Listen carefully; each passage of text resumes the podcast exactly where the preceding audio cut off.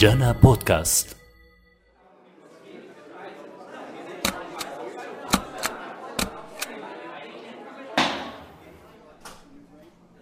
مرحبا. أنا اسمي رشا. رح أحكي لكم اليوم قصتي أو حكايتي. يعني كم مشهد أو موقف مر بحياتي. بس قبل خلينا نجيب قهوة من عند عمو أبو مروان ونضب هالورقة الكتير مهمة ونروح على البحر.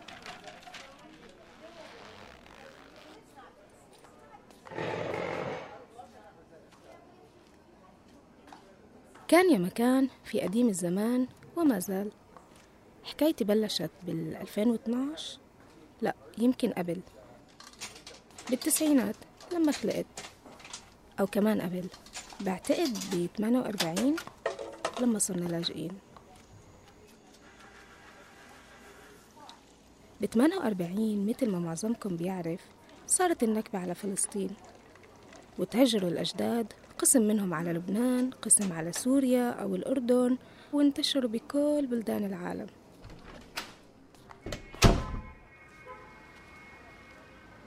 أهل بابا تهجروا على سوريا وأهل أمي على لبنان. ومن بعد ما بابا وماما تجوزوا خلقت أنا.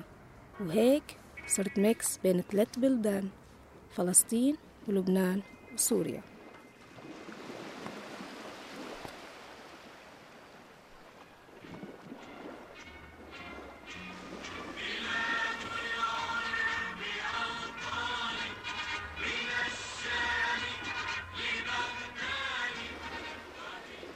إف كتير بتأثر بهالأغنية كتير بتعني.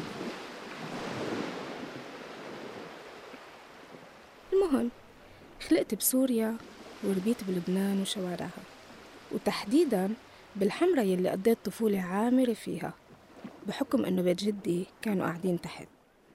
معي هوية أو تذكرة إقامة مؤقتة صادرة من سوريا بس بمشي وبتجول هون على إقامة مؤقتة من لبنان.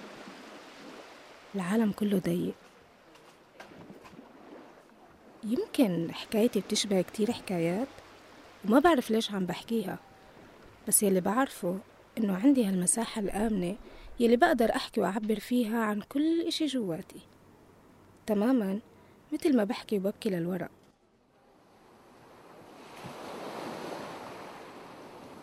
من أنا وصغيرة ما بقتنع بشي اسمه حدود ولا حواجز. ولا بعرف شي اسمه جنسية أو مذهب أو طائفة. هيك حدا عايش وبس. بتذكر بسنة 2003 لما أمريكا احتلت العراق. بعدها بفترة كم سنة صار في موجة لجوء عراقي على سوريا. بوقتها صار عندي بالمدرسة صاحبات عراقيات وبمرة هيك كنا قاعدين نتعرف على بعض أكتر. سألتني صبية رشا أنت سنية أو شيعية؟ قلت لها أنا فلسطينية. ردت آه بعرف بس بقصد شو طائفتك. كانت أول مرة بسمع فيها هالكلمة. قلت لها ما بعرف رح أسأل أهل اليوم. وما بخفيكم سر ضل هالسؤال شاغلني كل الحصة.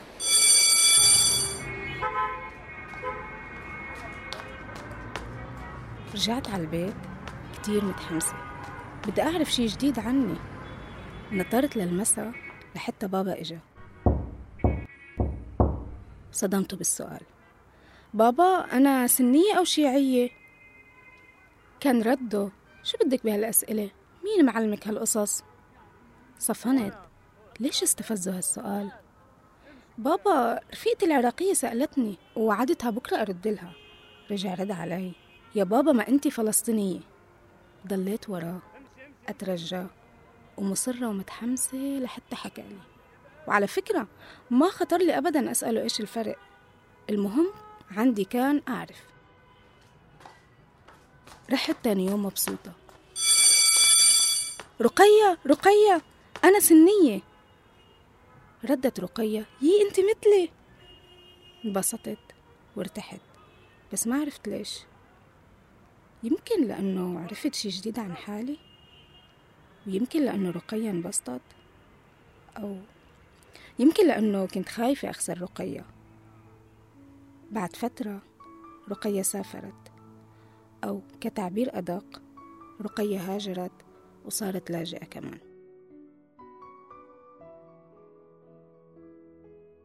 ما بعرف كيف سافرت رقية.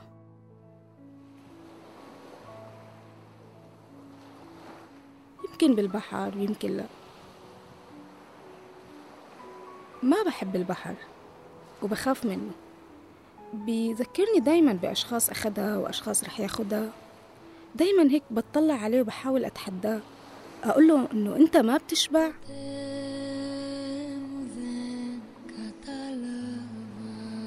بتطلع بالبحر دايما بشوفه بلا حدود. أزرق وصافي. بيرجع بيخطر ببالي هالسؤال. مين اخترع الحدود؟ ليش في هاي المسافات اللي بتفصلنا عن العالم؟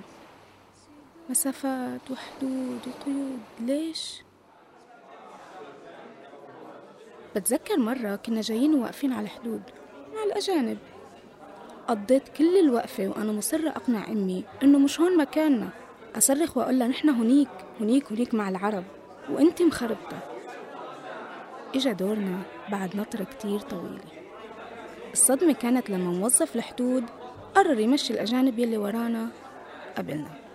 كمان ما فهمت هالتصرف شو سببه بس بتذكر إني تأذيت نفسيا. وضل هالموقف محفور بذاكرتي لحتى كبرت. صرت كل ما أجي أعرف إنه هالمشهد رح يتكرر. كتبت أول كتاب لإلي وسميته بوح لأنه هو فعلا بوح. وحطيت الحدود كأول قصيدة بالكتاب.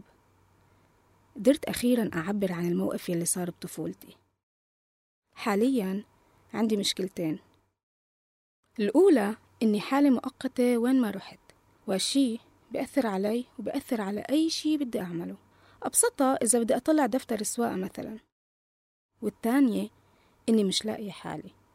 في قوانين بتعامل فيها كفلسطينية قوانين تانية كسورية ومش عارفة لإمتى. صحيح أنا إقامتي مؤقتة كانت بسوريا وإقامتي مؤقتة هون. بالمستقبل ما بعرف وين رح أكون بس مهم نعرف إنه كلنا واحد كلنا بهالدنيا أنا وإنت وهي.